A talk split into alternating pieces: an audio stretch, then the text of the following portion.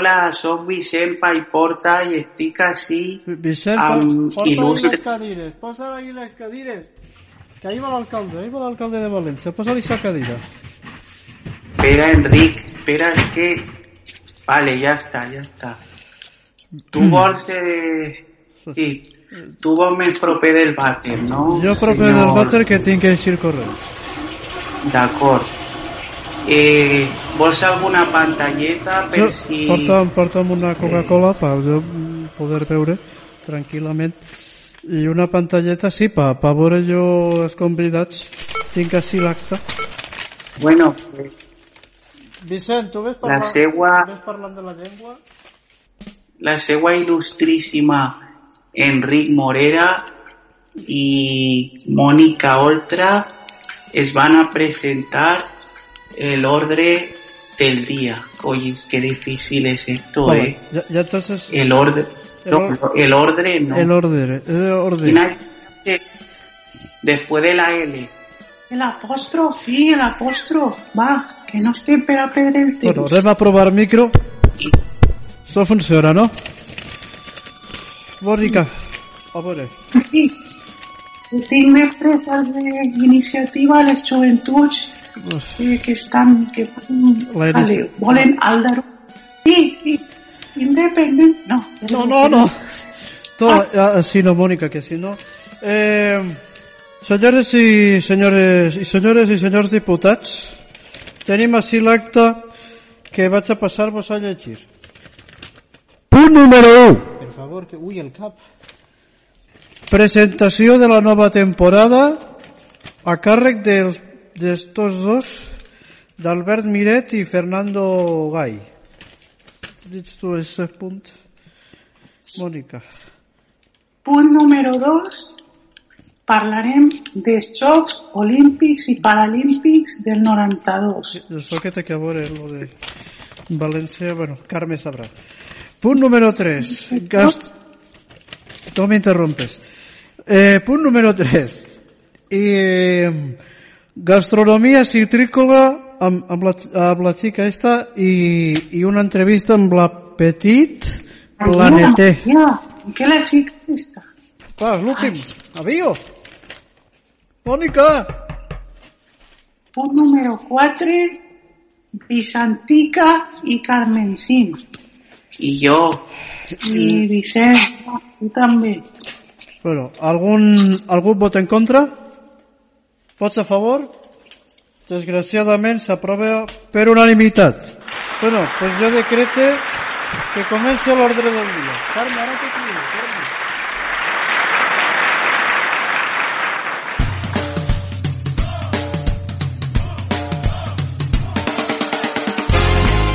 Arriba l'hora més cítrica de la radiodifusió valenciana, amb la colla més citrícola que et pugues imaginar.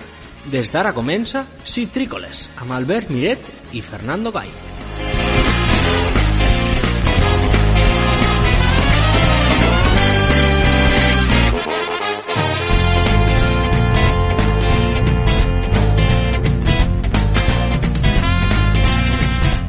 qué ganes tenía. Hola, Albert, ¿qué tal? Hola, hola, Fernando. Què tal? Eh, M'ha intrigat molt a quina Carme se referiria Enric a la introducció.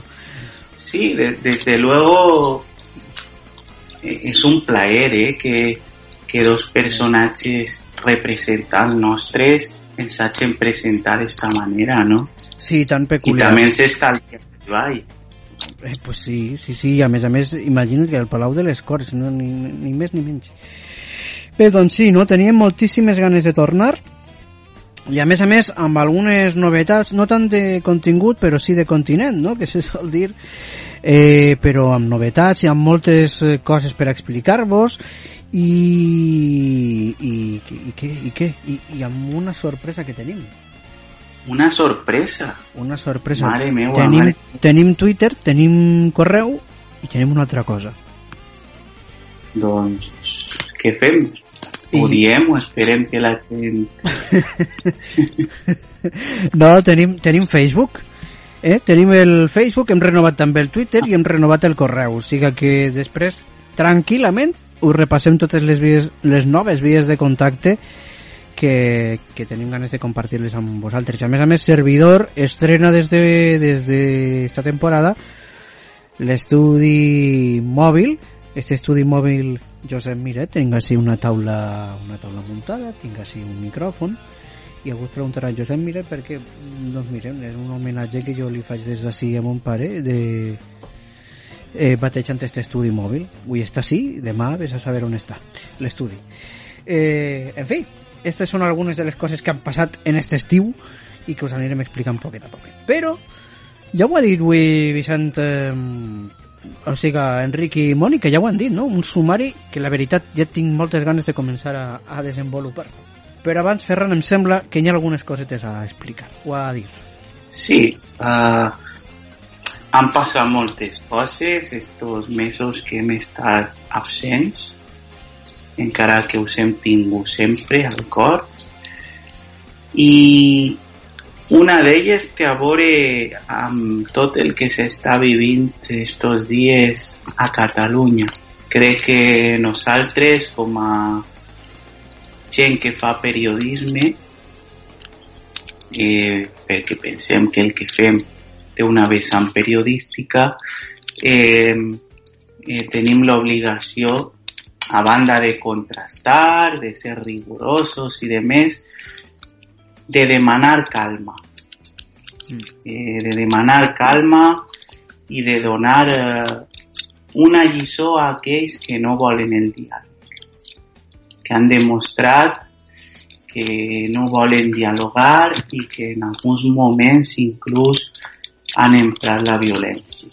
Jo crec, Albert, que tu com a, com a català o com a persona que ha viscut molt de temps allí, també estaràs vivint moments complicats, no? Som- Tindràs el cor, no sé si et batega de pressa o... Mira, jo sincerament, sí, sí de tant... Eh, esta setmana, sobretot, eh, posar-me davant d'un micròfon a fer humor, la veritat és que més complicat. Més difícil.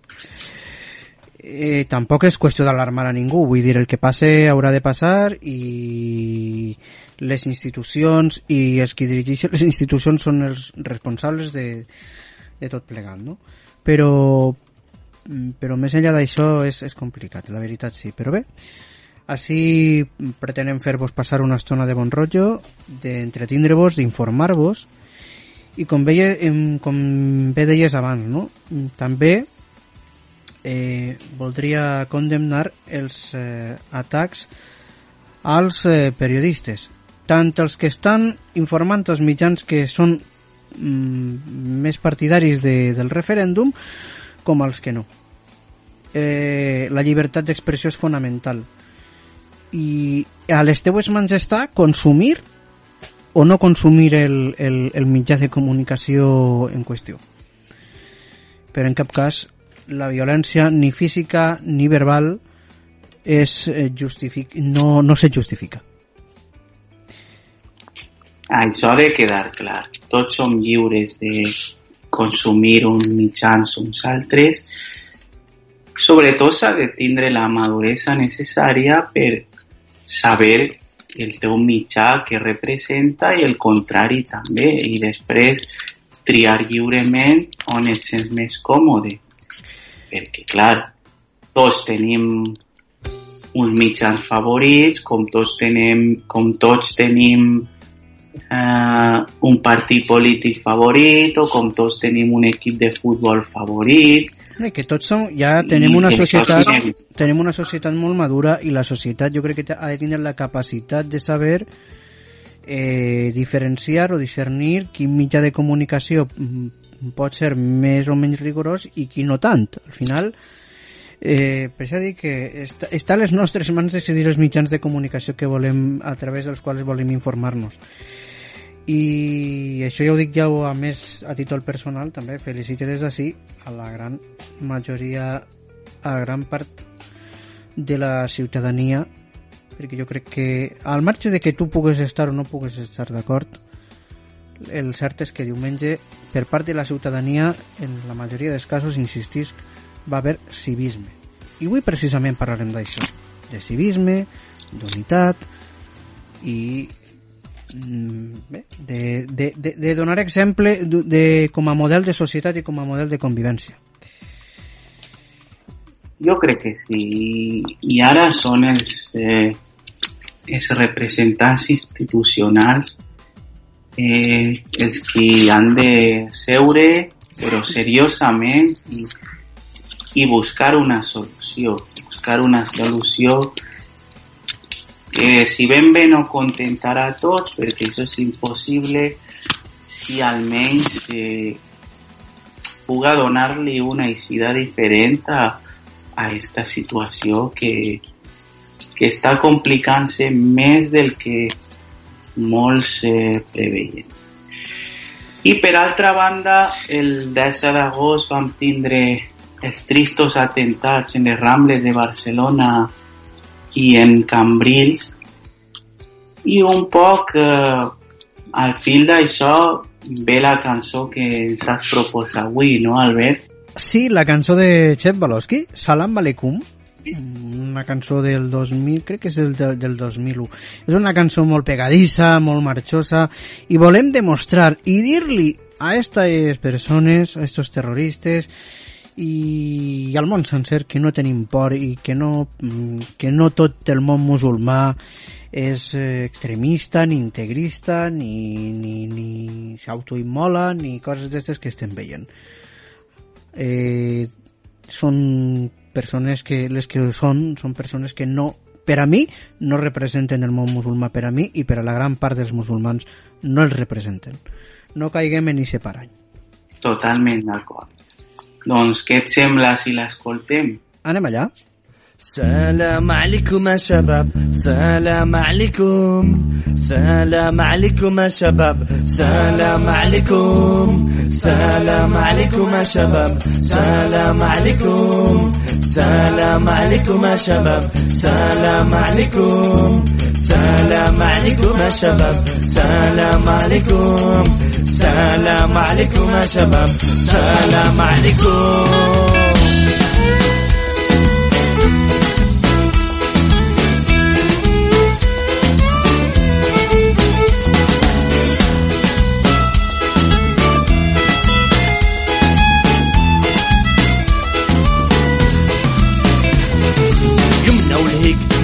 تشرح نمشي مع الغاشية حتى وننطع فيك ما كاش داباني ماني خوتي راني دور راسي نلقى روحي بلورو ما كاش ونسكو ما كاش كون يسمعني صامون لالجيري نسلم لحبابي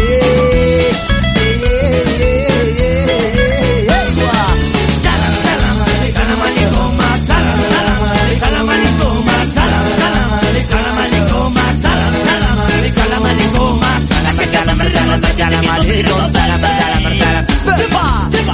سلام سلام سلام سلام سلام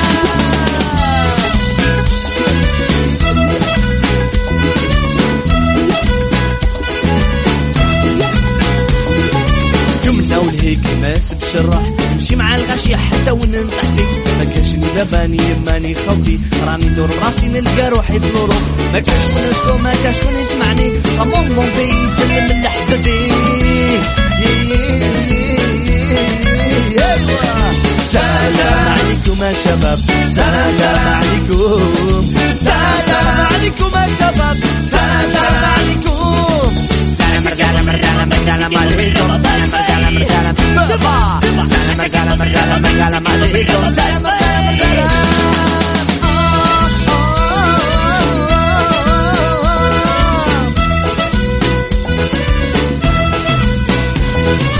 يمنا والهيك ما نتشرح نمشي مع الغاشية حتى وننطح فيك ما كاشني باباني ماني خوتي. راني ندور براسي نلقى روحي بلورو.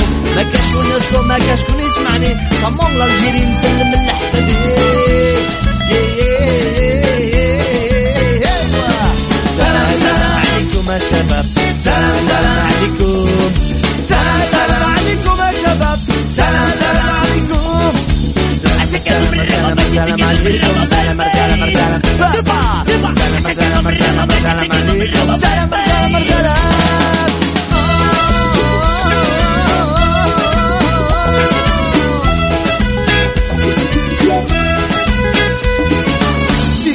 شباب الجزائري مغربي صحراوي صحاب الغر.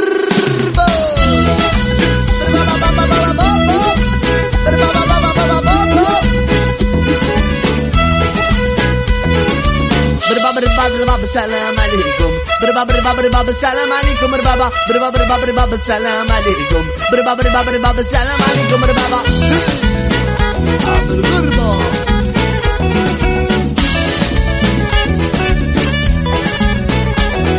Salam salam salam Salam salam salam Salam salam salam Assalamualaikum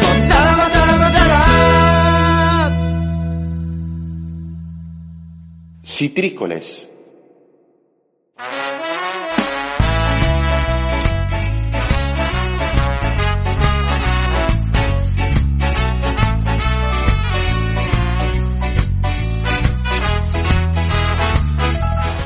I abans de passar a parlar dels Jocs Olímpics, Ferran, vull explicar-te les noves vies de contacte, que no són poques. Ves apuntant. A veure, A partir d'ara, el Twitter és arroba citrícolesfm. Arroba citrícolesfm. Este és el nou Twitter. no oblidem aquestes dos lletres, eh? la F i la M, que van estar presents en tot moment, si voleu contactar amb nosaltres. Continua, Albert. Si el que tens ganes és desplayar-te encara més, tens una altra via. I no te la vaig a dir jo, ni te, la- o millor dit, no te la dirà ni Ferran, ni te la diré jo. Te la dirà Noemí. Ah, no? no, no, no, te la dirà Noemí. Escolta això, escolta.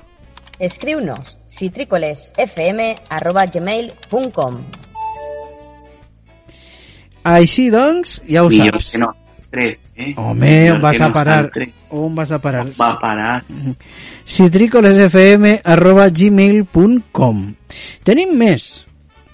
Tenim més, tenim Més? tenim més, perquè tenim el Facebook. Per fi tenim Facebook. Au, Però tampoc te vaig a dir jo com localitzar-nos al Facebook. Per Oh. això tenim a una persona que és molt propera a tu. Escolta, escolta. Pots trobar-nos al Facebook en arroba citrícolesfm. Eh? Perquè veges. i sabeu més? No, no. Sí, doncs Sergio Gay és qui ha És posat... Sergio. És Sergio, sí. Sí, És sí. qui ha posat... La... A- anomenar a Sergio, clar que sí. I prompte tindrem la, el jingle del Twitter. Però no vaig avançar a vos qui ens el dirà. I eh, també tenim a Marcos, que ha ficat veus que les veus als diferents jingles. Ah, i no se me pot oblidar. Carlos Ripollès, des d'ací, una abraçada molt forta, des de per a Carlos Ripollès que ens ha fet el, la intro. A partir d'ara ja no soc, ja no és servidor qui fa la intro, afortunadament. La fa Carlos, una forta abraçada per a tu i per a l'audiència del teu programa. Viatges de Carlos Carlos, que jo des d'ací recomane. Moltes gràcies a Carlos, clar que sí. I això no canvia, eh? El podcast, ja ho sabeu, citricoles.ivox.com i a iTunes. Ahí sempre ens trobareu. Citrícoles. Citrícoles.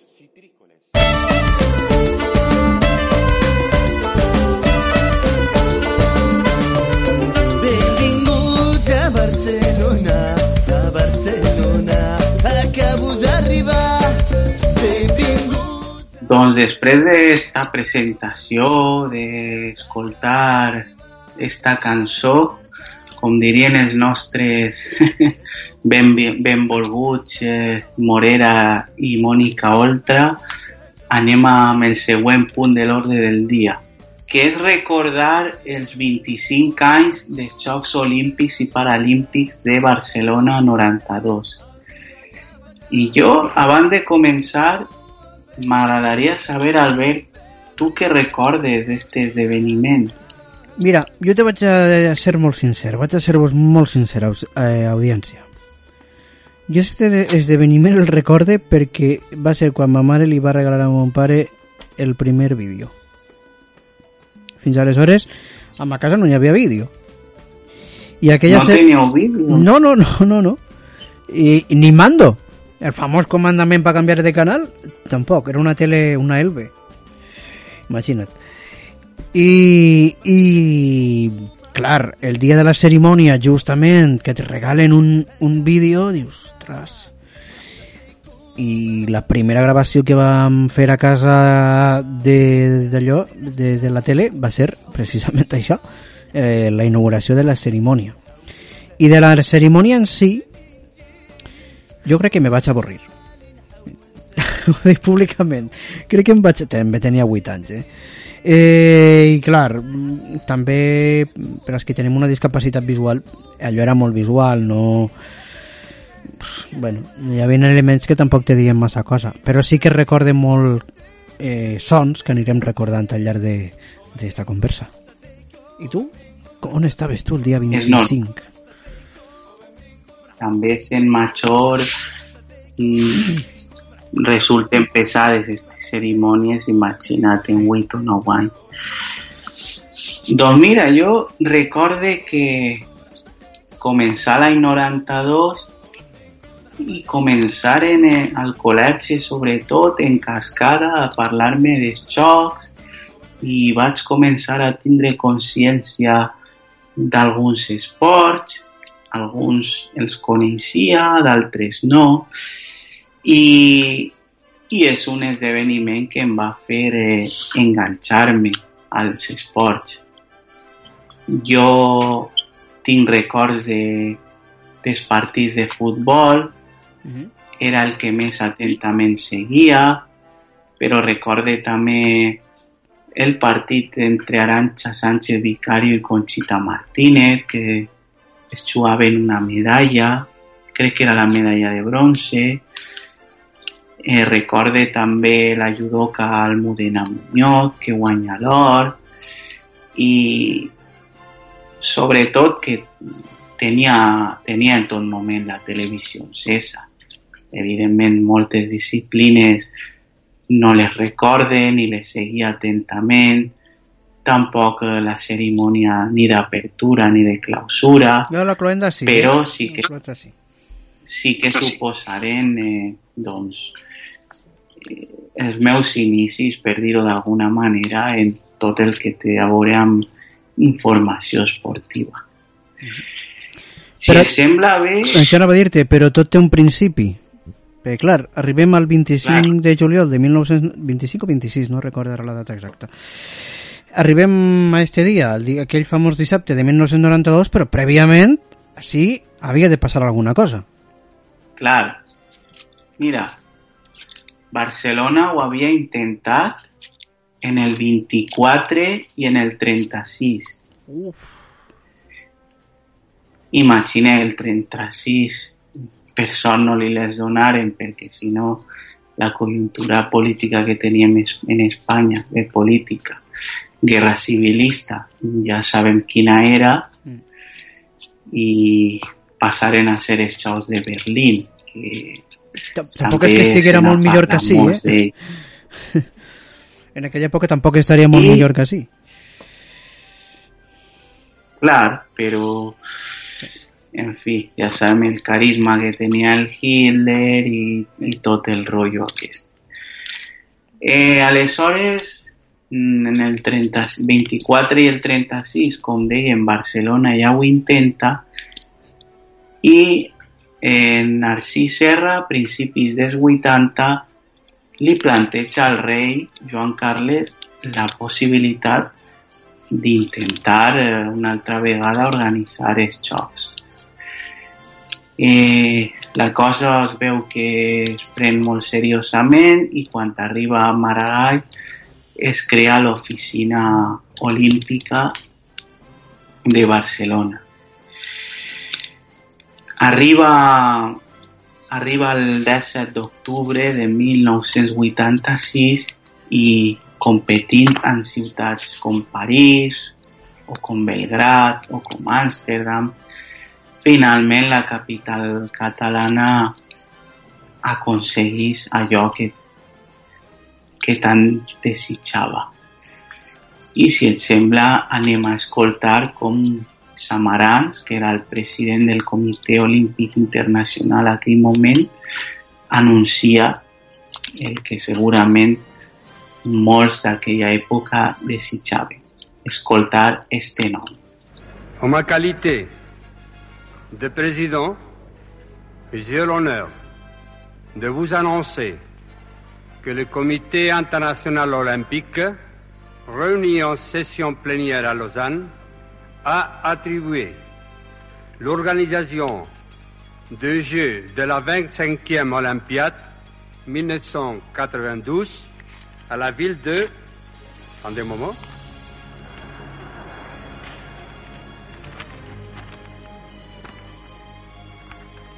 A la ville de Barcelona. La sensació que tindria Clar, no? Sa- Samaranc, Maragall i tots els que estarien allà, o sigui, té que ser una sensació tan tan indescriptible, tan, no sé, Sí, home, i sobretot per a Samaran, que era president del comitè i barcelonès, o sigui, per a ella haver de llegir o de pronunciar el nom de la seva ciutat eh, i després, eh, no sé, Albert, si el teu entorn recorda aquest dia, com ho va viure, No. sé que molta gent va ir als carrers i, no puc i dir... ho va celebrar. No, en este cas no puc dir-te si, si ho recorden o no. A mi eh, a casa no m'han parlat mai d'això, eh? Possiblement, clar, jo vivia a 100 quilòmetres de Barcelona. Mm, Vull que o no, estàs molt a prop, tens família, perquè jo tinc família a Barcelona, però no, possiblement no es, vi, no es viu no? amb la mateixa intensitat que els de la mateixa ciutat o l'àrea metropolitana, no? I val a dir que allò va suposar, clar, una alegria immensa per a la població, però també una feinada enorme que se'ls venia damunt perquè Barcelona... Hi ha un eslògan que sí recorde, Ferran, que va ser el Barcelona posa't guapa. I crec que va estar molt ben trobat perquè, efectivament, Barcelona va posar-se molt i molt guapa per als Jocs Olímpics. Va fer una, transfa- una transformació urbanística, social, en fi, va, va, van, van, van haver moltes transformacions en, en aquella ciutat, no? Ah, i sobretot el, el consens que tant es demanara i que no va ser fàcil en aquell moment tampoc, però almenys eh, contribuirem doncs, a, a crear, sigui, a posar a la ciutat de Barcelona al mapa.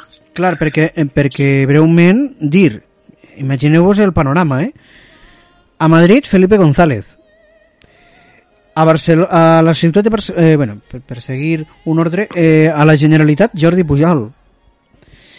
I a l'Ajuntament de Barcelona, Pasqual Maragall. Mm, molt bon rotllo entre la plaça, eh, entre banda i banda de la plaça Sant Jaume, sembla que no hi havia. O sigui, i ho van aconseguir.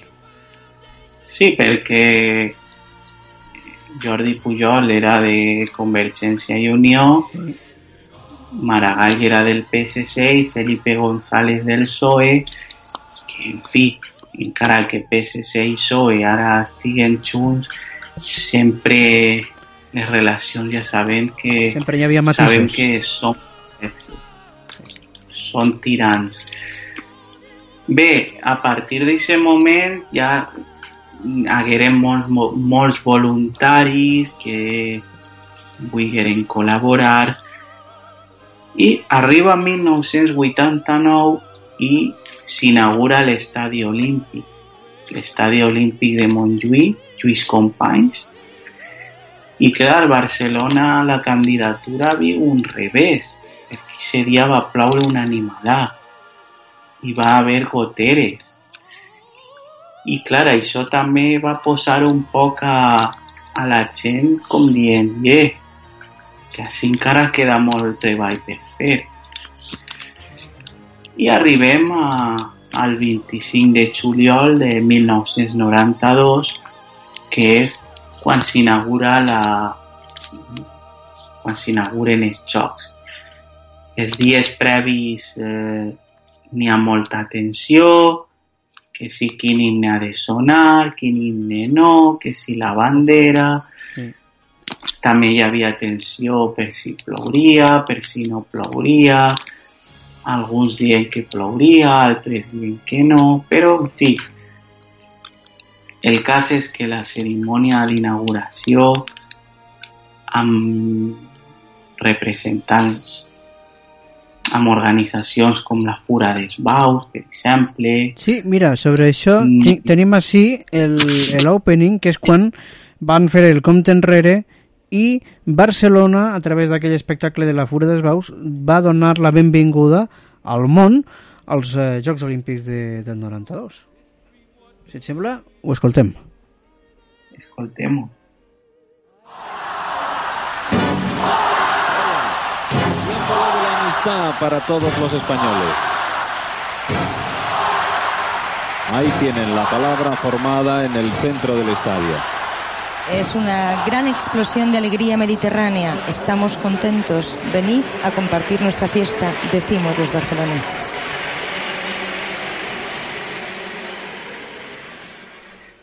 Doncs sí, la veritat és que tots parlen d'una cerimònia de d'inauguració que va estar molt bé, molt, amb una molt bona organització i, i jo ara mateix eh, li pegue moltes voltes a, a una pregunta. ¿Tú crees que ahora más, bueno, en aquel, en l'any 92, la banderat espanyol va ser l'actual rei? Tu creus que ara mateix haver suscitat polèmica? Perquè, clar, de veres que el, el aleshores príncep era esportista, eh, va participar als Jocs de Seül, però clar, hi havia molt més esportistes un palmarès major. Eh? Desconec com aniria la cosa, però si, si en aquella època jo crec, eh, sense, sense no, no, tinc, no tinc arguments a la mà per dir, o sigui, no tinc dades a la mà, però jo crec que en aquell moment ja crearia certa eh, certa mm, un poquet de malestar per alguns, jo ara ho veig impensable. Jo ara avui dia ho veuria impensable i no m'imagine mm, donar-li eh, o sea, que, que jo que sé que, que, que la filla del príncep per exemple ara fora la banderada o el mateix príncep fora la banderat jo penso que no. Avui és inimaginable. En aquella època se feien moltes concessions per diversos aspectes que ara tampoc venen al cas però avui dia jo crec que si és concessió no, no s'hagueren fet. I, evidentment, en, dins de la cerimònia hi van haver molts discursos, el català, el castellà, l'anglès, van estar lògicament molt presents i anem a, anem a escoltar el que va pronunciar eh, Pasqual Maragall, no? que aleshores va ser alcalde de Barcelona i que anys després presidiria la Generalitat. I que com molta gent recorda i com molta gent sap, millor dit, avui dia patís aquesta enfermetat tan cruenta com és l'Alzheimer. Molt trist, eh? Veure, veure que en el 25 aniversari doncs, l'home no pràcticament ja ni, ni, ni recordava allò. Una, una verdadera llàstima.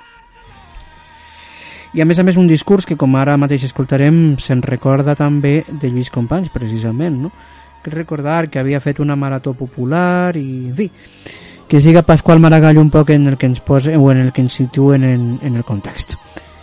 Ciutadans del món, fa 56 anys s'havia de fer una Olimpiada Popular en aquest estadi de Montjuïc. El nom del president de l'Olimpiada Popular és gravat allà dalt a l'antiga porta de la Marató. Es deia Lluís Companys i era el president de la Generalitat de Catalunya. Avui l'estadi és refet i la ciutat també amb l'ajut de tothom que jo agraeixo. I tinc l'honor de saludar-vos a tots i donar-nos la benvinguda a Barcelona a aquells que sou aquí i aquells milers de milions que ens veieu o que ens sentiu arreu del món. I ho faig en nom de l'actual president de la Generalitat i en nom del president del govern espanyol, els quals m'honoro a representar. Sense la seva intervenció i la del vicepresident Narcís Serra, aquest moment no hauria arribat mai.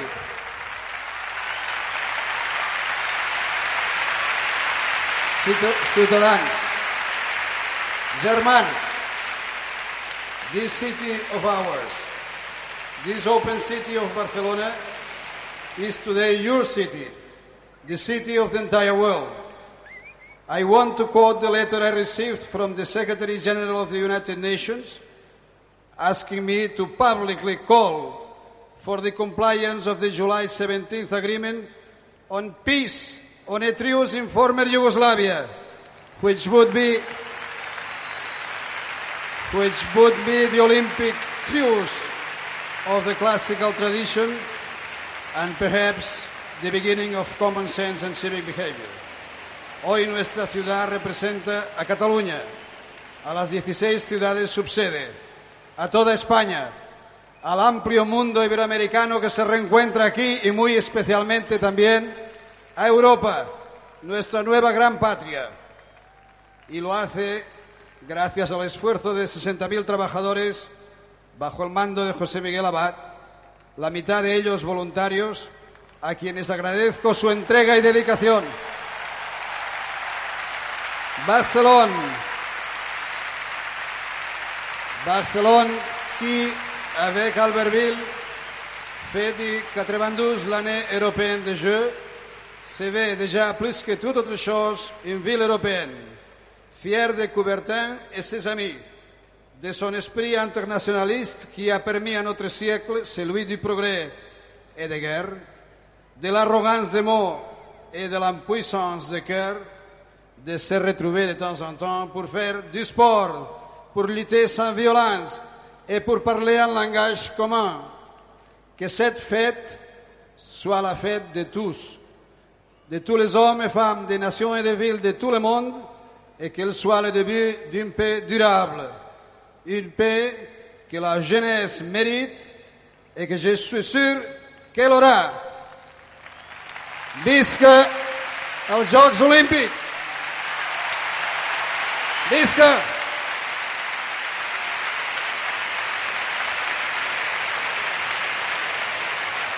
I ara tinc l'honor i ara tinc l'honor de presentar el president del Comitè Internacional Olímpic i ciutadà de Barcelona, Joan Antoni Samaranc.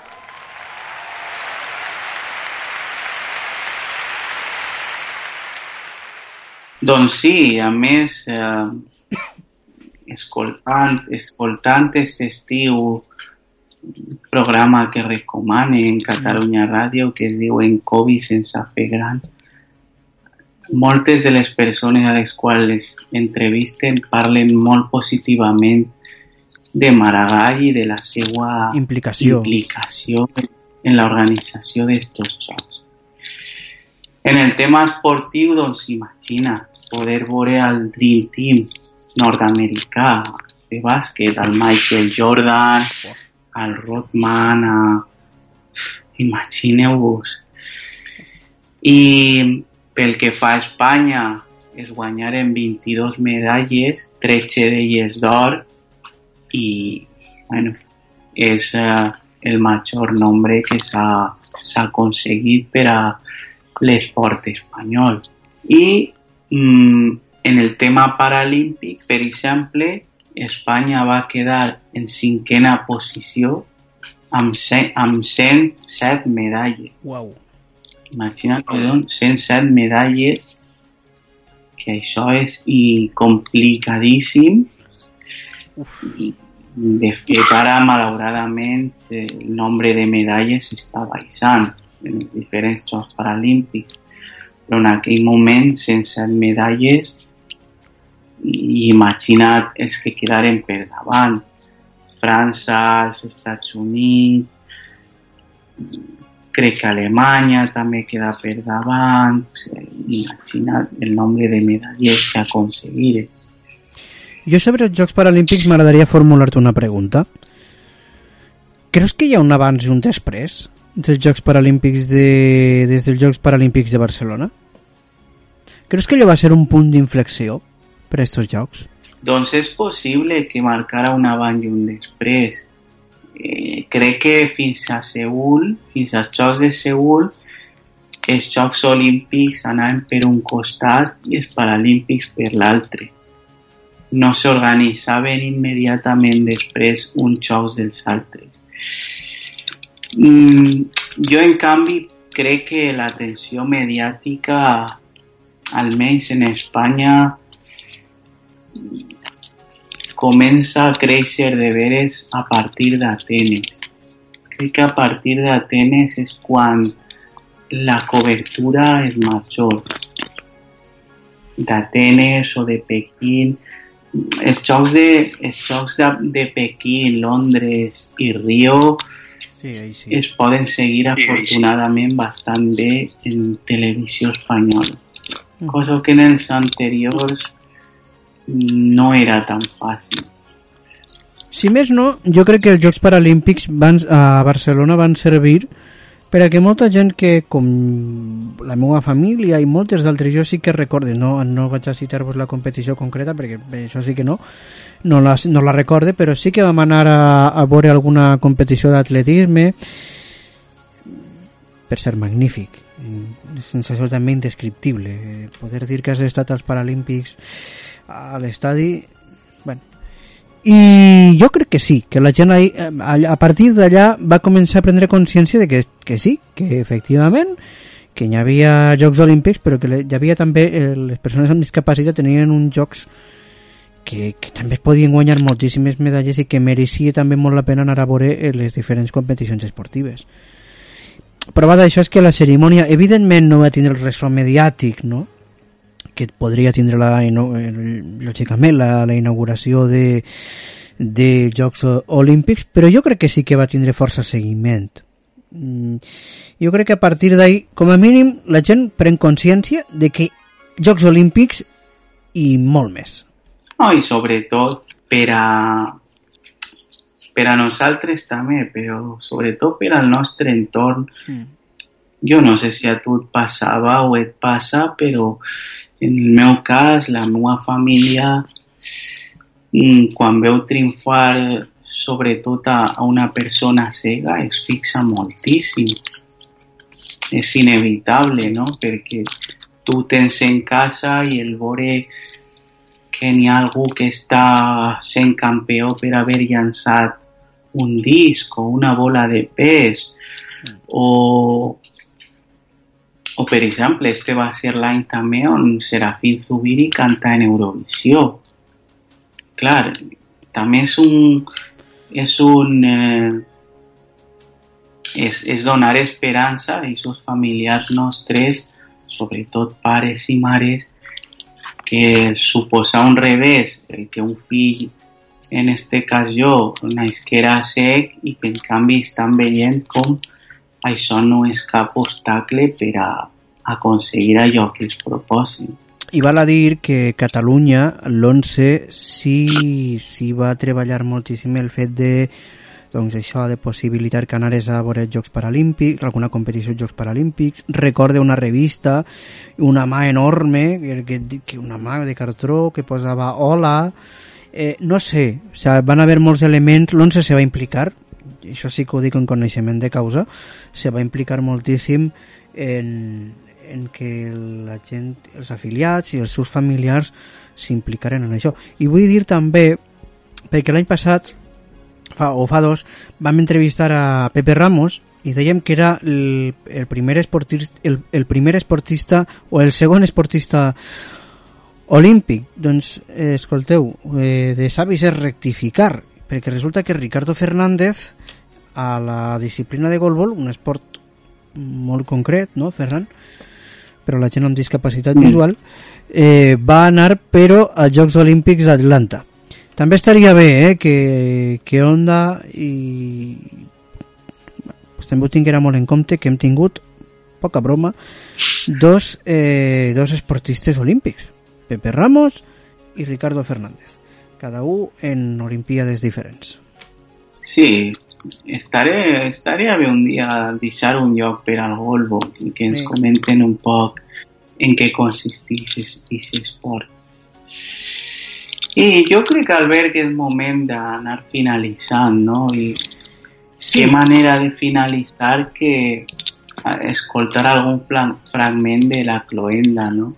Mira, de la cloenda he trobat sobretot música perquè van haver moltes cançons que van ser autèntics icones de d'aquells jocs. Per exemple, tu recordes l'Amics per sempre de Josep Carreras i Sara Brickman? No, jo no me recordo el de los Manolos. Ah, espera, espera, no te m'avances, no te m'avances. Anem a escoltar esta versió primer. Anem, anem. To say a word to you. You seem to know whatever mood I'm going through. Feel as though I've known you forever. You can look into my eyes and see the way I feel and how the world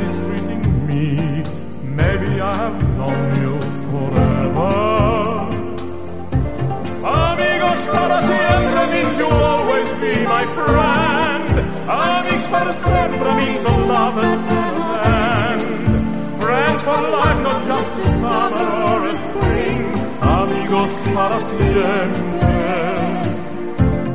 Mm, explicar breument que Amics per sempre sembla ser que no era la melodia prevista realment. La, la prevista era la de Barcelona, que, que hem escoltat així de fons al principi, de Freddie Mercury, de Freddie Mercury i de Montserrat Cavaller. El que passa és que Mercury eh, mort a 1990, al 1991, un any abans de que es produïren els Jocs Olímpics. Per tant, clar, no podia, la de Barcelona no podia ser. Quina va ser, doncs, aquesta? Clar. Amics per sempre de Josep Carreras i Sarah Brinkman. Però, com tu bé has dit, va haver un grup de rumba que va revolucionar eh, allò, vull dir... I consta que no van actuar mai a cap cerimònia. L'altre dia me dia uno, però en sèrio, no van actuar? No, no van actuar ni a la de, ni a la de obertura, ni tampoc a la cloenda. Quina va ser aquella? Amigos para siempre de los Manolos, que és la que tots jo crec que recordem. Jo recordo a mon pare i me dia esto és guan espatllat. Jo no, jo no estaria tan d'acord. Jo crec que a mi particularment m'agrada més la versió rumbera que, que, que l'altra, però això ja també va a gustos, eh, cuidado. Però jo crec que la gent se, se queda amb esta versió.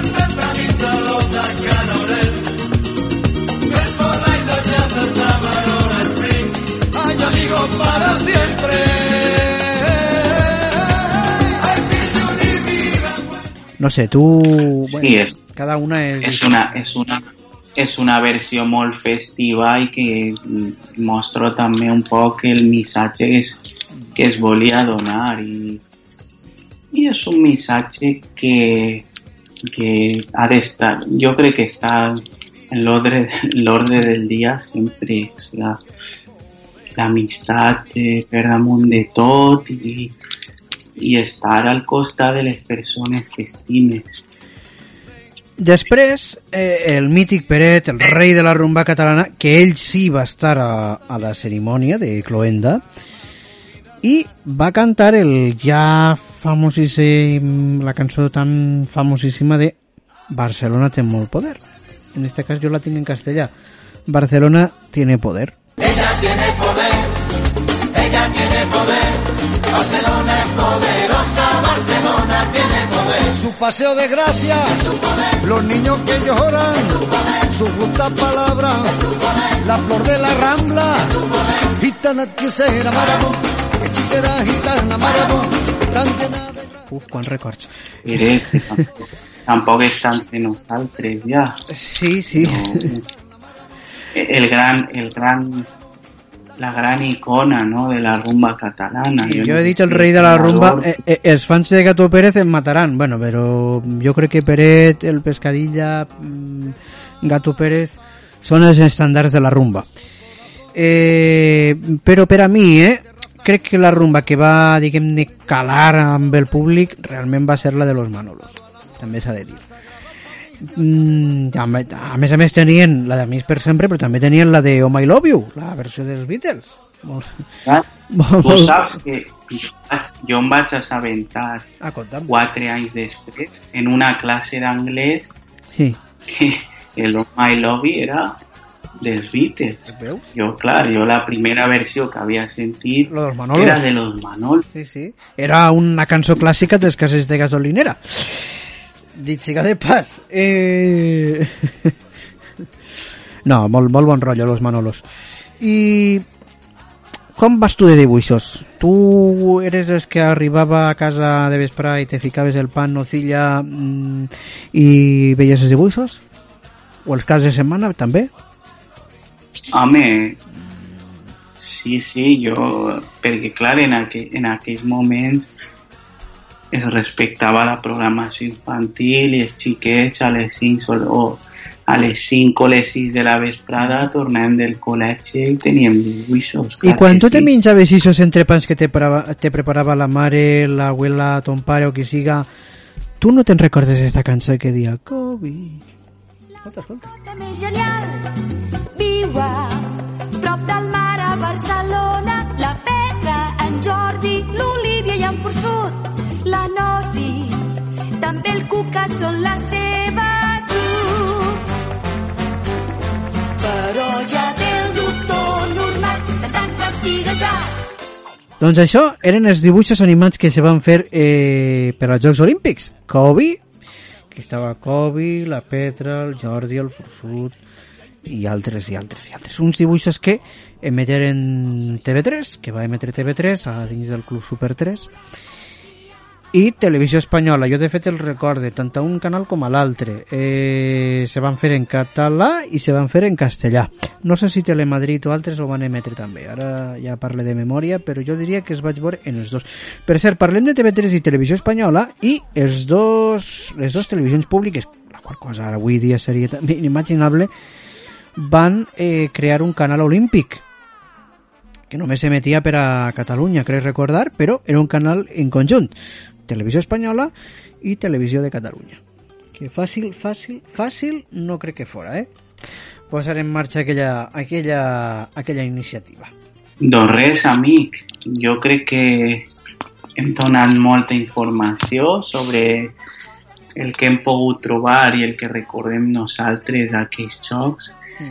I simplement jo crec que hem d'acabar apel·lant a, a aquell consens, no? I si en aquell moment eh, es va aconseguir arribar a acords, és fonamental que ara també es- s'aconseguisca, que torne el bon rotllo i que de veres, eh, que aquest esperit que sobretot durant l'estiu s'invocava mm, no servisca per a enfrontar-nos uns sinó que servisca per a saber que en aquell moment tots, tots estàvem orgullosos, o la majoria estàvem orgullosos de tindre una ciutat eh, espanyola com a organitzadora dels jocs i, i ja veurem, ja veurem quan l'estat espanyol torna a organitzar els altres. Això no és gens fàcil. Jo mm, espero que algun dia, i ho dic de veres, eh?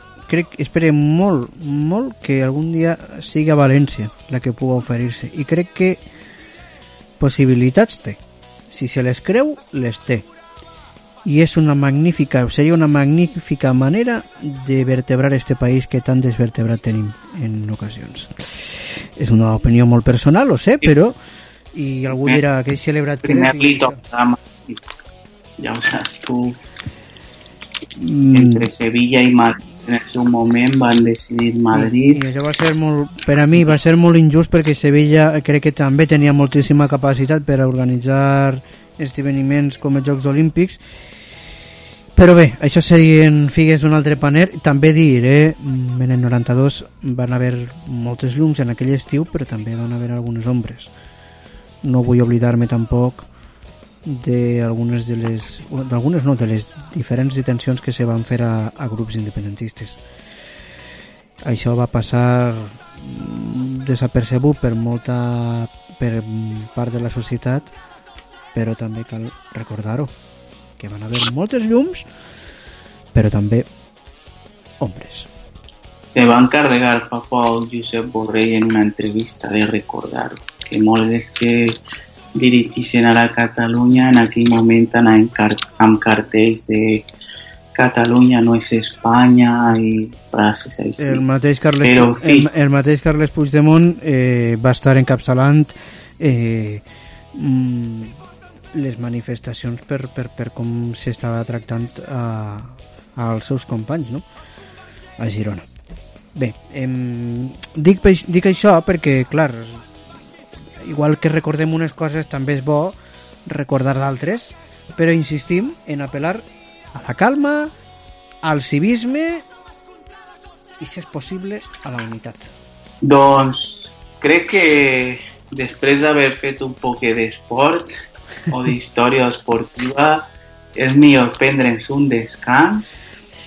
Amb quina cançó, va, va, quina cançó, quina cançó posem abans de rebre la següent secció, va quina, quina em suggereixes de les que t'he posat quina transmet no sé, quina t'avegis a escoltar ara t'ha agafat, eh? Quina mà. ara t'ha agafat jo ahí em va xocar, eh?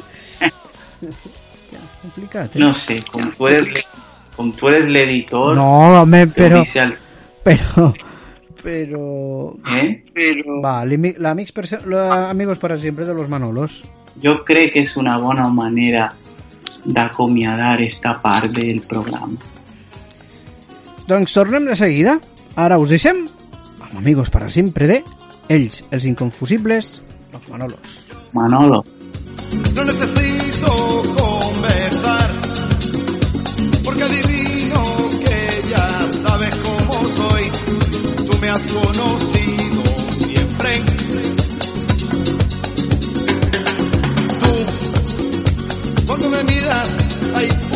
ver dentro de mí lo que ni yo puedo entender. Yo te he conocido siempre.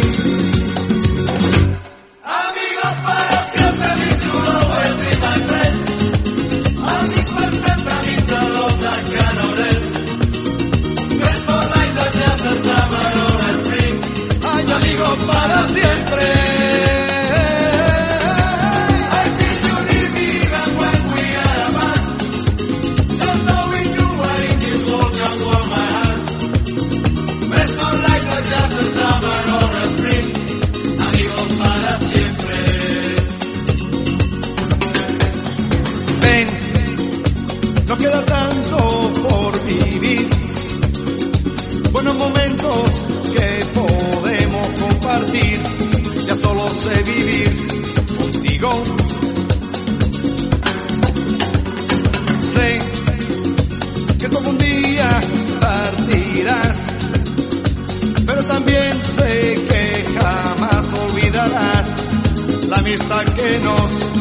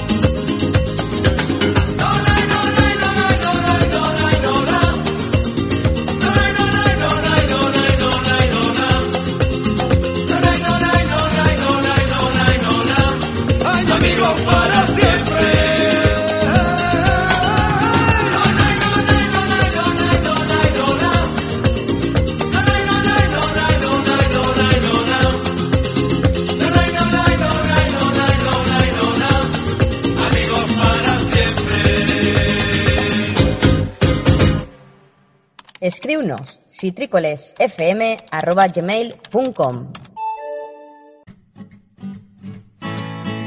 Sóc un cuiner que remena les cassoles. Faig bon menjar. Seguim endavant al programa i ella no podia, no podia fal faltar tampoc a la tercera temporada.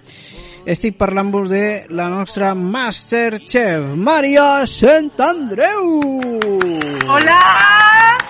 Ja Hola, hola, Maria. Com estàs? Una temporada més i ja preparant la cuina, fent mm, experiments en la cuina domèstica i amb moltes ganes, moltes ganes de sorprendre-vos. Eh, com ha passat l'estiu? Suposo que a banda de pegar-li voltes a les receptes hauràs fet més coses, no? Sí, clar, clar, però sobretot descansar, assimilar les coses de l'any anterior i planificar noves il·lusions, entre elles citrícoles, clar. Ai, gràcies, gràcies. Jo he de dir-te que he anat provant combinacions, eh? M'he anat provant combinacions amb begudes eh, cítriques i Heu fantàstiques. fet algun batut, algun, alguna recepta de les que hem dit l'any passat? Alguna, alguna hem fet. Alguna hem fet. Alguna. Alguna hem fet. Doncs bé, Maria, què ens proposes avui? Doncs avui, per a començar la temporada amb bon sabor de boca, Mm. anem a tenir un té i un pastís. Jo he pres molt de té aquest estiu, eh? Pres molt de té, com ja sabeu, vaig estar en Irlanda i, i allí, evidentment, el té i dolces també. Els argentins li, li peguen més al mate, no? Sí, Sí, por claro, cierto, María, Mar- yo pregunté por vos en el anterior programa, te quise invitar a cenar, vos no estuviste, y bueno, una Qué pena, pero... lástima, no pude estar. No, no, pero la cena sigue en pie, ¿eh? Cuando quieras, eh, no- Y podemos conmigo ir- también, ¿eh? Claro, los Pues tres. ya oh. negociaremos ya. Nos ve María esta recepta i, i a veure, no t'anem a preguntar de què és el pastís perquè si no la gent en seguida esperarem a que ens vagis dient poquet a poquet com el va. Doncs, quan vulguis, María. Te lleva por la tranquera con un galope que no se lo ve. Dicen que tiene un ranchito con microondas y DVD. Siempre anda con su cuchillo.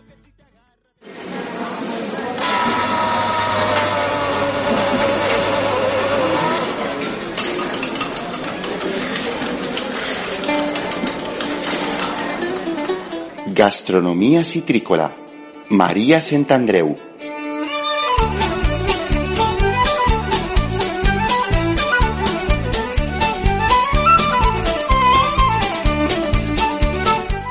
Està així la tardor, canvia la temperatura, cauen les fulles dels arbres i en la natura ja podem veure colors càlids com el taronja, el groc, el marró i sobretot arriben els nostres fruits, les llimes, llimones, taronges, mandarines, pomelos. Però de què parlem avui? Hem preparat una interessant entrevista amb Joan Ros sobre la importància dels cítrics en el té i després farem una recepta, un pastís de taronja i xocolata. Podeu enviar les vostres receptes amb productes cítrics a citricolesfm.gmail.com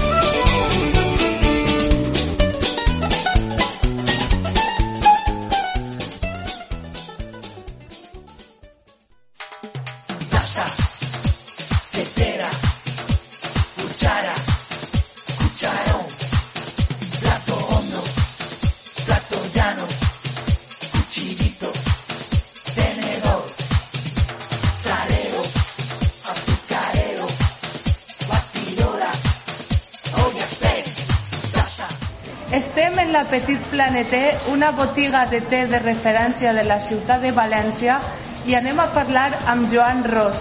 Benvingut a Citrícoles. Moltes gràcies. Ens podries explicar la diferència entre un té i un roibos? Eh, clar, eh, són dos plantes diferents. El té és originari i se trau de la camèlia, la planta de la camèlia, que hi ha camèlia sinensis i camèlia sàmica, i el roibos és un altre, un altre tipus de planta. Se cultiva en, en Sud-àfrica. El té té, el més important és la teïna que és el té, que és un estimulant, i el roibos no té cap estimulant. Després també hi ha certes coses que són paregudes, el tema d'antioxidants, el tema de propietats fibrètiques, tot això sí que són pareguts en els dos. Però el principal, la diferència, és que uno és estimulant i l'altre no. Quina seria la importància dels cítrics en el món del té?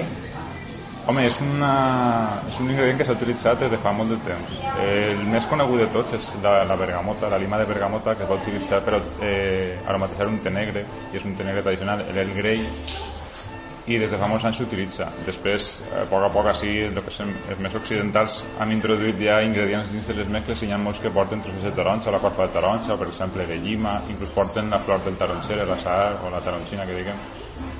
Entonces, eh, és un ingredient prou important. És molt aromàtic, és molt fresc i val tant com per a l'estiu com per a l'hivern. En estiu fresc et queda molt bé i en l'hivern també té un puntixina molt agradable. Les flors del Sahar també s'utilitzen bastant, no? Quines serien les seues propietats? Les flors de sal s'ut- s'utilitzen moltes vegades se fiquen flors en les mescles d'estés perquè són boniques de veure. Com el té granel tu veus el producte, pues sempre li dona més color i més vida a un té. Però en el cas de la sal té una propietat relaxant. Entonces, a banda del sabor, que moltes vegades es nota poquet perquè porta moltes més coses, l'efecte relaxant sí que es nota en la sal. Però clar, si tu te prens un té que és estimulant i li fiques a sal, doncs un poc se contrarresta. Però si agafes un roibos i damunt li fiques la sal, potencies l'efecte relaxant del roibos. Hi ha un ingredient que apareix en moltes llistes de, dels tés, que és el lemongrass. Vale. El lemongrass és, un, és una herba, és molt, és molt típica de, de, la, de la cuina asiàtica i té un toc cítric. Eh, molt bé, no sé com explicar-ho. Són, a mi me recorda molt a, a les fulles de les, del, del cebollí que dic jo, jo soc d'Horta, de Nord, i recorda les cebetes allargadetes, però és una fulla fineta i allargada que s'utilitza per a cuinar i li dona el toc ixe cítric. És la hierba de limón, que li diuen. I també s'utilitzen aromes, veritat? Eh, sí, eh, avui en dia per a fer les mescles d'estés eh, només ficant els ingredients eh, no s'aconsegueix que siga un aroma molt estable al llarg del temps. Entonces el que se fan és eh, s'afegeixen aromes naturals. S'impregnen el que són les fulletes de té amb l'aroma. Normalment se poden fer de moltes maneres. Són extractes naturals o se trauen, hi ha diferents processos per a extraure els aromes i el que fa és això, se, totes les fulletes de la mescla amb els aromes que se li afegeixen. Normalment ha- han de veure en tots els ingredients que porten, entonces s'aconsegueix que siga un aroma més estable i que perdure més en el temps. Tots els aromes que s'utilitzen avui en dia, en, almenys en la nostra tenda, són aromes naturals. Els aromes artificials no estan permitits en l'alimentació, en, bueno, en el cas del, del té i nosaltres l'importem quasi tota Alemanya, allí no es poden utilitzar. Entonces són tots aromes naturals. El- L'aroma Uh -huh. afecta només a l'olor o també es nota en el sabor? eh, són, es nota en el sabor i en el, en l'aroma. A veure, tots els tés, quan, quan ensenyem així les llandes que la gent i les, les pot olorar, eh, sempre són molt intensos els, els aromes que percibixes. Després en ta casa, quantes menys quantitat, l'aroma és més suau, però el sabor també el tens, uns cosons aromatitzants i saboritzants. És com si agafes una fulleta, eh, les fulles de té, per exemple, el té que porta canela, se mescla canela en pols amb totes les fulles. Eh, L'aroma de canela és la canela molguda. Tu la canela no la veus, però està ahí molt, molt fineta impregnada la fulla. En el cas, de, per exemple, dels cítrics, el que fan són els olis dels cítrics, el que se li afegeix la, a la fulla, s'impregna la fulleta en l'oli del cítric. Eh, Fa aroma, però també li dona sabor. D'acord. Ara una pregunta clau. Com es prepara un bon té? Conta'ns el secret. Eh, vale. Això, això és ja un poc més delicat. Eh, hi ha moltes formes de preparar el té. Hi ha tantes com cultures hi ha en el món i el, pren- el té es pren en mol, moltíssims llocs del món i cadascú fa una, té una preparació i el que per a uns es pareix una barbaritat, per a altres és la forma perfecta de preparar-ho. Nosaltres tenim eh, el que diguem la forma un poc més eh, norm, normalitzada, no? És, és respectar sempre el que són les temperatures, depenent del tipus de té, respectar els temps d'infusió i les quantitats. Eh, no tots ho fan igual. Si te'n vas a Marroc, per exemple, ells el temps d'infusió no el controlen, ells fiquen tota la fulla de té dins de la tetera i deixen ahí tot el temps que estigui fet el té. Llavors, quan més temps porta fet el té, més intenses, més fortes. Nosaltres sempre recomanem això, per exemple, en el cas de d'un té blanc, un té verd, una infusió de dos minuts i que la temperatura de l'aigua no sigui massa elevada, sempre menys de 100 graus, que l'aigua no buiga. Amb 80 graus ja seria massa per a un té blanc. Un té. Després tens, per exemple, el té roig o el té negre, que aguanten millor la temperatura i el temps d'infusió és un poc més llarg. En el roig serien uns 3 minutets, en el negre són 4 minuts. Recomanacions que fem nosaltres. Després cadascú amb l'experiència i la pràctica pot fer el que vulgui. Hi ha llocs que recomanen infusions més llargues per el tema dels antioxidants, que pots deixar-ho fins a 8-10 minuts. Realment és un té que si és un té verd és molt àsper, té molt de tanino i es nota molt, molt fort. En el cas del rooibos és més tolerant en les temperatures i els temps d'infusió. La temperatura del rooibos són els 100 graus i el temps d'infusió entre 5 i 12 minuts. En 5 minuts està bé, pots deixar-ho més temps perquè no te va amargar, tindrà més sabor. Aleshores, per a fer un bon té, l'aigua no té que arribar a bullir. És millor que no arribi a bullir. També perquè eh, bueno, es recomana que, que no, que no buiga l'aigua per a no, tampoc no, no cremar el que són les fulles de té, no afectar-li al sabor i no cremar també, per exemple, vitamines i coses d'aixes. Entonces, sempre és recomanable que no buiga. També és recomanable i molt important d'utilitzar aigua de bona qualitat i de baixa mineralització. Sempre recomanem que sigui aigua embotellada, sobretot quan són tés que són suaus de sabor. Eh, si agafes un blanc, un verd és més suau. Si agafes un rooibos, pues, es nota menys el tipus d'aigua que utilitzes, però sempre si és aigua de baixa mineralització millor. L'aigua d'ací de València, per exemple, que és on estem, és molt mala. és malíssima. O la filtres ben filtrada o, o sempre li dona un gust diferent al té i es nota moltíssim això. També està el costum aquest d'afegir unes gotetes de suc de llima a la nostra tassa, no? Vale, això també és un altre costum que també depèn molt de les cultures. Eh, moltes vegades afegeix el que són la llima, per exemple, perquè evita un poc l'oxidació dels tés. Quan tu fas un té i el tens molt de temps fet, va oscurint-se. Això és l'oxidació de, del té. Eh, llavors amb la llima pues, un poc li dones un poc de sabor i també evites un poquet l'oxidació del mateix. Hi ha gent que afegeix llima i altra gent prefereix afegir una miqueta de llet, no? Sí, Eh, lo de la llet també és, és tradicional molt anglès. El tema de la llet també s'utilitza molt en la Índia, el tema de fer tés amb llet, inclús amb llet condensada, que és algo molt curiós. I Amb llet condensada. Sí, és una bona idea, perquè per exemple en les oficines que la gent no pot tindre un pot de llet perquè te li fa roïn, t'emporten una llet condensada i tens la llet i un poc de sucre, i això te dura molt de temps. I hi ha gent que ha agafat aquesta opció i està bo. Jo ho he provat i està bo. El pakistaní amb un poc de llet pareix que siga una llet merenga de llet condensada. Per així doset amb un toc de canela. Innovacions. Sí, és, al final és tot anar provant. El tema de la llet sí que és cert que hi ha certs tés, el verd, el blanc, que com són més suaus de sabor o són més, un sabor més herbal, no li queda tan bé la llet. Eh, però un té negre, un té roig, inclús els roibos i algunes infusions així que tenen tocs de xocolata o molt especials, queda molt bé amb llet. Quan dic llet, eh, me refereix també a llets vegetals, tipus soja o llet i coses que també queden bé. Al final és anar provant i no tindré por a, a poc experimentar sí que si agafes un té, per exemple, un té tradicional japonès de molt bona qualitat, ficar-li llet és un poc un delicte, no? És com agafar un bon vi i mesclar-lo en, en, en una llimonar. Vull dir, és, sí.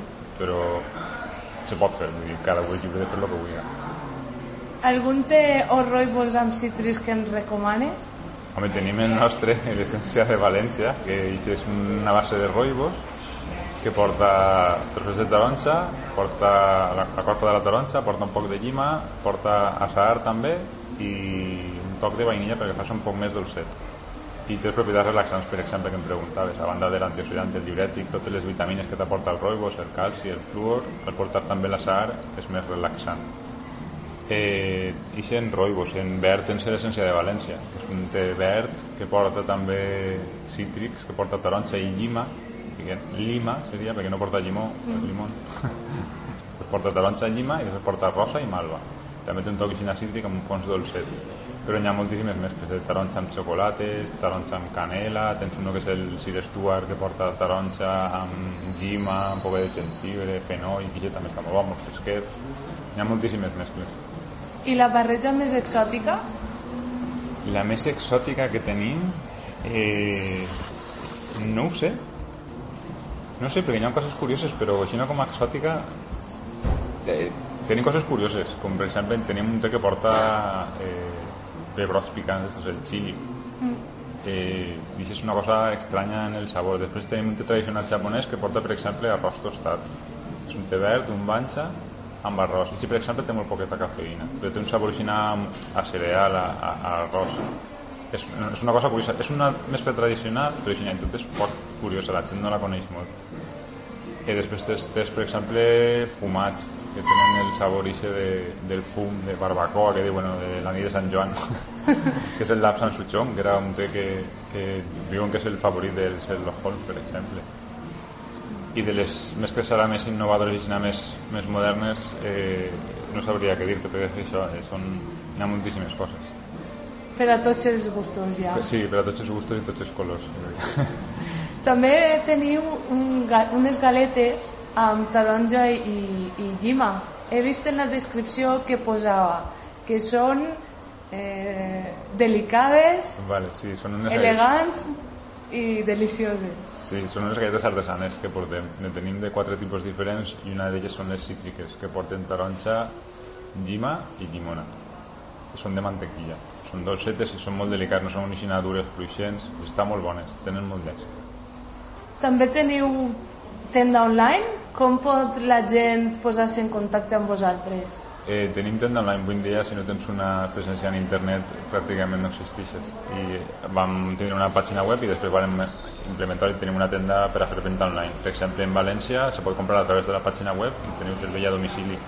Si són més de 20 euros és gratuït l'envio. I si són, no arriba a 20 euros és 1,50 euro l'envio per exemple que fem en València és ecològic, el fem en bicicleta al reparto i per a trobar-nos és buscar la Petit Planet en internet i apareguem o tenda de té en València i ens troben en seguida en els buscadors solem estar per ahí és, és, és molt fàcil Gràcies, Joan, per estar en Citrícoles i compartir uns minuts àcids, però carregats de bones sensacions. moltíssimes gràcies a tu Acabem amb un lema de la Petit Planeté.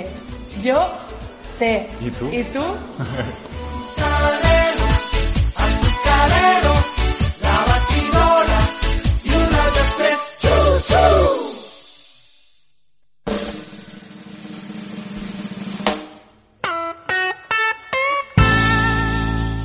La recepta.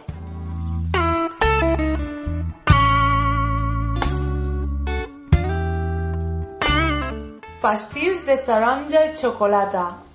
Ingredients. 3 ous, 250 grams de sucre, 150 grams de farina, 100 centímetres cúbics d'oli de girassol, una taronja mitjana amb pell, una cullerada de mantega, un sobre de levadura royal.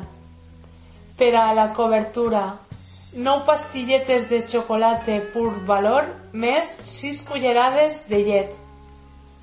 Però com fem el pastís de taronja? 1.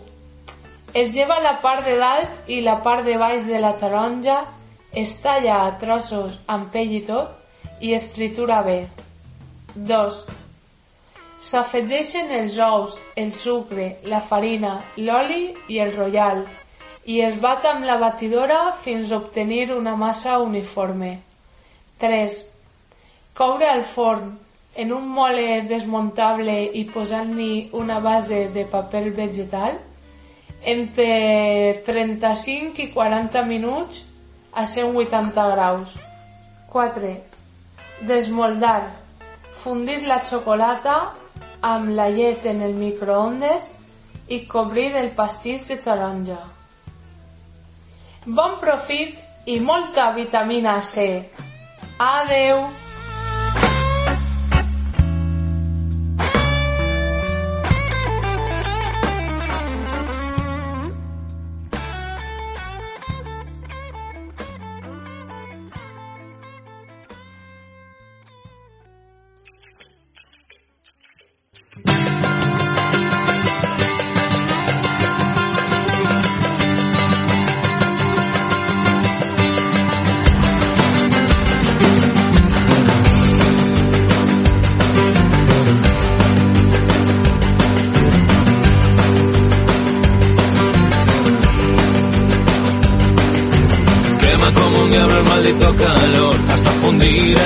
Fundir el techo con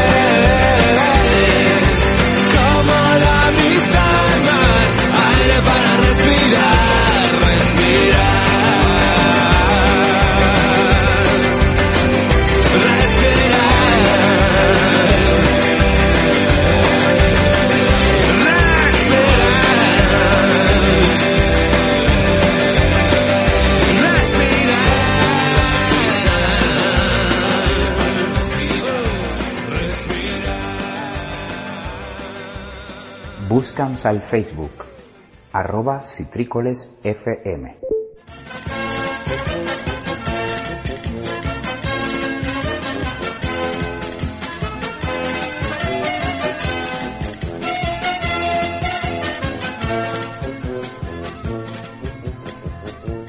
como una alfombra de flor. Es la región valenciana. Doncs continuem així en este primer Citrícoles de la temporada i anem ara amb els nostres convidats eh, estrella que causaren tant de furor al final de la temporada passada. Però saludem primer per ordre a Marcos Llorenç. Marcos, què tal? Hola, pues bé, bé, moltes ganes de tornar i, i bé, espero que vosaltres hàgiu passat també unes bones vacances. Pues així l'amic Fernando sí que s'ha pegat un gran viatge, però la resta hem estat així fent guàrdia. Però sí, això és de veres, però tinc entès que les nostres convidades tampoc ho han passat malament. Sí? Jo crec que tampoc, crec que tampoc. A més han estat en un lloc que jo mai haguera dit que, que han estat ahí. Però bueno, a veure si no s'ho volen contar. Però anem per ordre. Vicent Paiporto, vostè Ara, què ara. tal? Pues Vicent. yo, mira, yo estoy casi eh, replegant taronches y tomaques y fent un poque de tot en la huerta i he Calor. convidat les meues amigues que no fan més que queixar-se. I com no, van, i com no fan més que quejar-se, Però- jo me vaig vengar. I vos dic que les vaig veure Ai, en, en el rototo Fumant porros i, i de tot. Com? Mare de... Uh! Això no és verit, no és Això veritat. no és veritat. Això no és veritat. Això no que és veritat. Tu, lo que eres és una mala persona. eres mala pell, mala persona. Mira, mira. I mira, te vaig a tirar una taronja. Yes! Eh, eh, eh. Per dir mentires, per dir mentires. Que m'ha costat molt de replegar, eh? Bueno, pues a nosaltres no mos costarà res replegar-te. La mare que... I fumar porros, fumar porros. Això porros sí, mai. tu sí que ho fas, que ja mos ho han dit ja. Mos ho han dit, diu, això home no vos fieu, que fume porros, bueno, i lo que no són porros, però jo hi, cada Vale, un... No, no és de veres el que diu el que diu Vicent. No és veritat. Nosaltres jo- ahir al, al torró No, meixe, al torró meixe no, no anem, no, ahir no volem anar. Doncs I, vos, i, i que Vicent d'on se ho ha tret, això? Bueno, pues Ja. ell, ell sabrà, ell sabrà. sabrà lo que Jo no me dic, jo no me dic que el meu fill no m'enganya. I El si teu ell fill. s'ha vist, Ah, però tens sap. un fill. Sí. No. Eh? Que tens un fill. Sí, yo tengo un fill que, que es, es de estos que posa música Ah, un DJ. y, y va a estar allí. Uy, pues mala persona. y les Mala acabo persona de que- empillonar, vayan tots els homes i fumant porros. A veure, senyores, si han estat allí tampoc passa res. Vull dir... Mira, ara n'hi ha que Ah, ver. sí. Clar.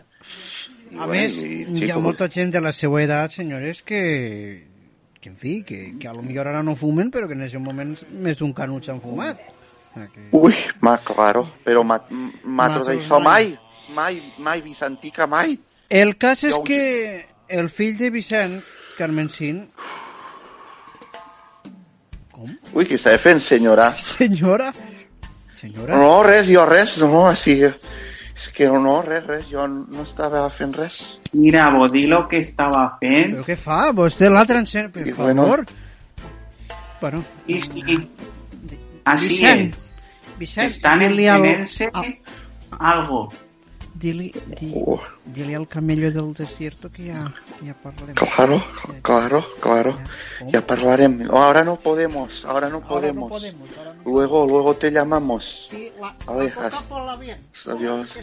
Ah, vale, vale. Sabeu que ens esteu fent còmplices, còmplices d'un possible delicte? Uy, Delit, delite, delito jo. de qué? Delite de què? Delito jo cap. Trapitjar. Delito el que tu comens, el que tu, els, els, això és que tu, segur tu, Tu segur que Mira. robes i deus fer de tot. No, y en este programa, y bueno, y señora, usted la coca la bolsa, la coca de tomaca, entenc. Coca de tomata. Claro, Sí, claro. claro. que sí. Claro que sí. Coca de tomata. Coca de tomata porte jo. I... Aleshores, heu estat al Rototom. I què més? Voleu destacar algo del festival? Bueno, Bueno, jo no pues, res perquè jo no he estat. Jo al festival no, no, no he estat mai. I bueno, I és que Albert i Marcos també van estar, eh? Bueno, nosaltres vam sí. estar i no ens sap mal reconèixer, No. vull dir, ens ho vam passar molt bé. a més a més... No vam voler- fumar, no vam fumar, però perquè no, vam voler, vull dir, si ens haguera vellit, pues, ho haguérem fet. Però vosaltres no les vau veure per allí, o sí? Jo me va pareixer sentir algo, una veu, però... A més que però hi havia molta, no hi havia segur, molta eh? gent no major, eh? I n'hi ha que dir que hi havia molta gent major, Sí, sí. la qual cosa és un... Jo, sense anar més lluny, vaig veure una parella de gent majors del meu poble que havien anat allí a veure unes, uns, claro, uns desfils de models que feien i això, sí, sí. Bueno, Però, pots contar lo que faríem, però bueno. claro que sí. Mare de Déu, allí, allí. I parlant de tot, perquè ens arriben veus, vostès segur que només han estat al Rototom? Bueno, jo, pues, la mi vida privada no, no vos importa. Jo a Penyíscola també, a Penyíscola vam anar. Claro, claro que mos paga... anar, bueno. I allà, allà, allí a, a Barcelona, te'n recordes, Vicentí, que allí vam estar? A Vam estar allí. Sí. Claro, claro, en Asunteta. En Asunteta, Asunteta, que la tenim allí, sí. Claro, I mos va mos dir, va bueno- fer uns bocadillos més bons. Claro, nosaltres De vam... botifarra. Bot, manxetes en botifarra que mos va fer pa dinar i tot. Claro.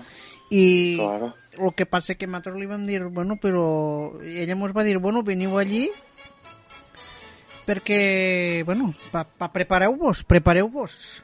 Que igual... Claro, Sí, mos va donar unes no. papeletes. Jo Sí. tampoc sé bé allò que era, però mos va donar unes papeletes. Sí. Unes papeletes, jo dic, bueno, pues serà Per pa Nadal. còmplices d'un acte delicte, encara més. I que- Delito, jo Delicte, cap. delicte jo de què? Delites ne fareu vosa- vosaltres. Vosaltres feu delites. Perquè vosaltres sou rojos, papeletes estan prohibides. rojos i nacionalistes i l'altre prohibides Sí, de què? claro, prohibides, prohibit. prohibides de què? Ai. A vosaltres el, a, a vosaltres el programa vos haurien de prohibir. I Com bueno, aneu a votar vosaltres si no viviu allí? Bueno, nosaltres no votàvem res. Mos van dir, a mi bueno, mos si digueren votàvem... papeletes, jo dic, bueno, pues deixa-les ahí pa Nadal. Claro, claro. Home, pues pa Claro Nadal no que sé sí. si li servirà. Allí, O sea, pues- bueno... Desconeixíeu que eren per a l'1 d'octubre, per al referèndum.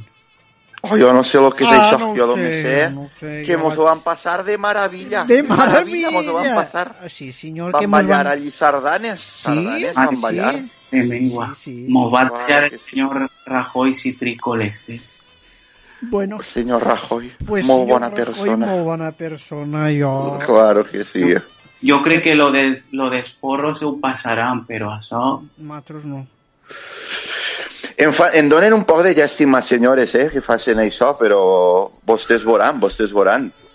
Que els No. criden, no saben el que voten, que es venguen per un, per un entrepà i quatre Bueno, sardanes, que, però que bueno. són del Partido Popular. No, nosaltres no mai. Este, este Han manat bobo... el calla la PP tota la vida, enganyant a les abueles com estes, Vicent, que són unes Bueno, I a tu no t'importa el que nosaltres siguem.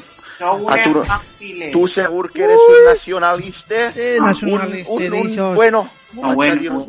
ah, bueno, jo, és que me posa nerviosa. Bueno, si ho, vole, si ho, lo querei, si ho voleu censurar d'això que pues feu el que vulgueu, però jo dic la veritat. Este, po- este programa no, no censura res. Bé, senyores, eh, que s'estan anant de mare això. Jo vull, o respecteu o no torneu, eh? Però cap dels tres. Bueno, Res, Però, respetar. respetar. Va, vo- Jo he dit la vosaltres mos heu d'ensenyar el que respetar eh, a, a vosaltres. mm, s'ha- estem en, en octubre, eh, els has regalat o penses regalar-los la mocadora a estos senyores o com? Jo, tant de bo, ojalà s'envenenen. Uy, Eh, uy. Uy, Bueno, jo- jo a mocadora a com a col·laborador dic que si, si no canvien l'actitud, no sé, No, pues de jo- pensar si jo tornem vos per al pròxim si- programa. Jo vos dic que si el mocador eixe segurament l'obriríem i hi hauria mocs i hi hauria... Ai, que asco. Ui, jo no agarro un mocador d'eixe. Serà el dolcet, o no? Serà el dolcet. Bé, eh, senyor Llorenç, alguna cosa més? Ja pensarem si les tornem a... Si Pues res, que esperem tornar i sí, ens haurem pensar, de pensar seriosament si les dones estes tornen o no, pensar perquè en aquesta actitud Amb, quin, amb quines paperetes haurà almenys espere que demanen disculpes per al pròxim programa. Jo no he de demanar disculpes de res, ni a ningú. Tampoc. Podem anar en la cara ben alta, veritat que sí, Clar Vicentica? que sí. I bueno, i nosaltres tornarem, eh? A Barcelona ja han fet allí unes On amigues. faci falta, claro que sí. Ja han parlat allí en una ràdio d'eixa de, de que fan sevillanes i coses d'eixes, que ho han dit. Anirem, irem En, en justo, justo, Justito, justito que li diem justet, nosaltres, justet, claro que sí. Doncs bé, Xit, ha estat un plaer, com sempre, però t'heu de serenar, eh? Que l'ambient ja està massa crispat com per a... Sí, i els aconselle que quan facin les coses que s'informen un poc, senyores, perquè no, pot, no se pot anar així, no, home. Bé, doncs, fins la propera, Marcos, Vicentica, Carmencín, Paiporta... Passiu Molt bé. dient els manifestants. Adiós. Bueno, moltes gràcies de nou per comptar en mi i fins la, la propera.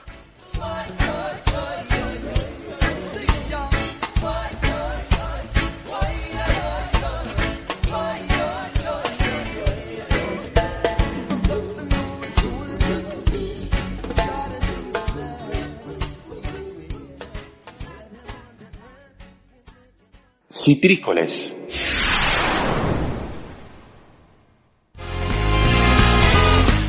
Bé, Ferran, fins així citrícoles, tornarem el proper mes, no? Doncs sí, i esperem que el programa us hagi agradat. Creiem que ha estat molt complet, tenint en compte que quan es torna de vacances, doncs, u sempre té por de no estar a, a l'alçada de les circumstàncies. Almenys ho hem intentat. Almenys ho hem intentat. I bé, per acabar també felicitar les festes a, a la població d'Onda i a quantes poblacions del país facin encara estiguen en festes, que sembla que no, octubre, ui, la tardor, bueno, la tardor està també plagada de festes arreu al llarg i ample del país. Clar que sí. I moderació. No feu com les nostres convidades Carmen Cini Vicentica, que no, no calen els excessos per a passar-ho bé. I res, Albert, no? Desitjar que la gent se ho hagi passat bé en este primer citrícoles de la temporada i esperar donar-los per al pròxim, com sempre ens de dir, més i millor, no? Exactament. Així doncs, fins així el... Citrícoles!